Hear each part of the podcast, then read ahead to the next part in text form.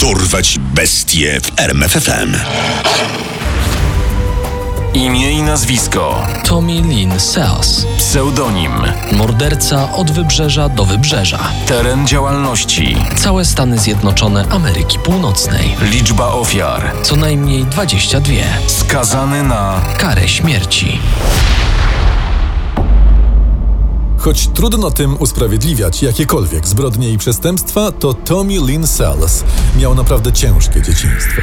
Urodził się w czerwcu 1964 roku w Oakland w stanie Kalifornia. Szybko stracił rodziców, a jego i jego siostrę bliźniaczkę wychowywała ciotka, Bonnie Woodlow. Gdy Tommy i jego siostra mieli półtora roku, zachorowali na zapalenie opon mózgowo-rdzeniowych. Chłopiec ledwo przeżył chorobę, a jego siostra niestety zmarła. Po tej tragedii Tommy i jego ciotka wyprowadzili się do stanu Missouri. Bonnie Woodlow traktowała Tomiego jak powietrze, nieszczególnie interesując się opieką nad kilkulatkiem. Jeżeli nie wracasz na noc do domu, to jest twoja sprawa, ale ja cię karmić za darmo nie będę. Młodego Selsa wychowywała więc raczej ulica niż obojętna na jego los krewna. Kiedy chłopiec miał 8 lat, zaprzyjaźnił się z młodym mężczyzną, Willisem Clarkiem. Włóczył się za nim i spędzał z nim całe dnie, a nawet noce. Po paru miesiącach tej nietypowej, podejrzanej znajomości Clarka zatrzymała policja. Zostaje pan aresztowany pod zarzutem molestowania nieletnich. Okazało się, że Willis Clark jest pedofilem, a na czele listy jego ofiar widnieje niejaki Tommy Lynn Sells. Odrzucony przez ciotkę, wykorzystywany przez rzekomego przyjaciela, mały Tommy miał małe szanse, by stać się uczciwym obywatelem. Jako dorosły dalej mieszkał na ulicy, uzależniony od alkoholu i narkotyków. Nielegalnie przemierzał całe Stany Zjednoczone, koczując w wagonach pociągów towarowych. Podróżował też autostopem lub kradł samochody i przemieszczał się nimi z miejsca na miejsce. Podczas tej amerykańskiej odysei żył z dorywczej pracy. Po latach Sells przyznał, że pierwsze morderstwo popełnił w wieku 16 lat. Być może jednak były to tylko jego chore fantazje, bo zbrodni tej nigdy nie udokumentowano. Pierwszym znanym policji morderstwem było zabójstwo Colleen Gill i jej czteroletniej córki. Tommy Lynn Sells dokonał go latem 1983 roku, a więc gdy skończył 19 lat. Dokładnie dwa lata później zabił 29-letnią Annę Court i jej czteroletniego synka. Sells zatłukł oboje kijem baseballowym, a Annę tuż przed śmiercią zgwałcił. Po aresztowaniu zaprzeczał jednak, by doszło do tego ostatniego. To nie był gwałt.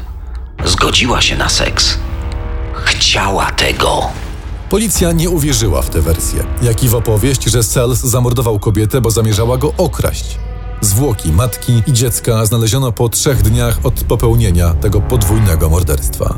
Tommy Lynn Sells wkroczył na dobre na zbrodniczy szlak i miał na nim pozostać następnych kilkanaście lat, co kosztowało życie co najmniej 22 osób.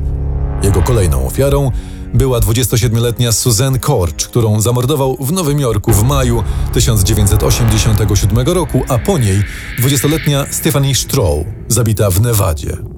Szczególnie brutalne i szokujące było poczwórne morderstwo rodziny Dardin w stanie Illinois w listopadzie 1987 roku. Na ziemię! Na ziemię mówię! Ale to już! Błagam, żona jest w ciąży. Sells wtargnął do domu ofiar. Najpierw zastrzelił 29-letniego Kifa, a następnie zgwałcił jego ciężarną żonę, która podczas gwałtu zaczęła rodzić. Gdy dziecko przyszło na świat, morderca zatługł je na śmierć kijem baseballowym, podobnie jak jego matkę i trzyletniego chłopca, Petera. Na początku 1988 roku Tommy Lynn zrobił sobie krótką przerwę od zabijania. Ożenił się i spłodził dziecko. Znalazł także pracę. Został sprzedawcą używanych samochodów. Jednak ustatkowanie się niewiele pomogło i było tylko pozorne, bo wkrótce Sales wrócił do gwałtów i do morderstw. Sprzyjały mu też okoliczności. Praca sprzedawcy wymagała częstych podróży służbowych, podczas których mógł bezkarnie zabijać. W ten sposób pozbawił życia jeszcze kilka kobiet i dziewczynek, które nie tylko mordował, ale i gwałcił. Do zabijania najczęściej używał noża, czasem kija baseballowego, ciężkiego przedmiotu jak noga od stołu lub pistoletu. Ostatnie morderstwo miało miejsce w Sylwestra w 1999 roku w Del Rio w Teksasie. Sales włamał się do przyczepy kempingowej, w której spały 13-letnia Kailin Harris i jej o rok młodsza koleżanka. Nie szarpcie się, bo was zabiję. Morderca dźgnął Harris 16 razy, a drugiej dziewczynce poderżnął gardło. Na szczęście na tyle płytko, że dziecko dało się odratować, a zeznania dwunastolatki przyczyniły się do schwytania Salsa. 36-letni Tommy Lin został aresztowany. Gdy to się stało, powiedział do policjantów. Szczerze mówiąc, liczyłem, że wreszcie mnie złapiecie. Podczas przesłuchań przyznał się do szokującej liczby morderstw. Miał ich popełnić aż 70 na terenie całych Stanów Zjednoczonych. Czym zyskał sobie medialny pseudonim morderca od wybrzeża do wybrzeża.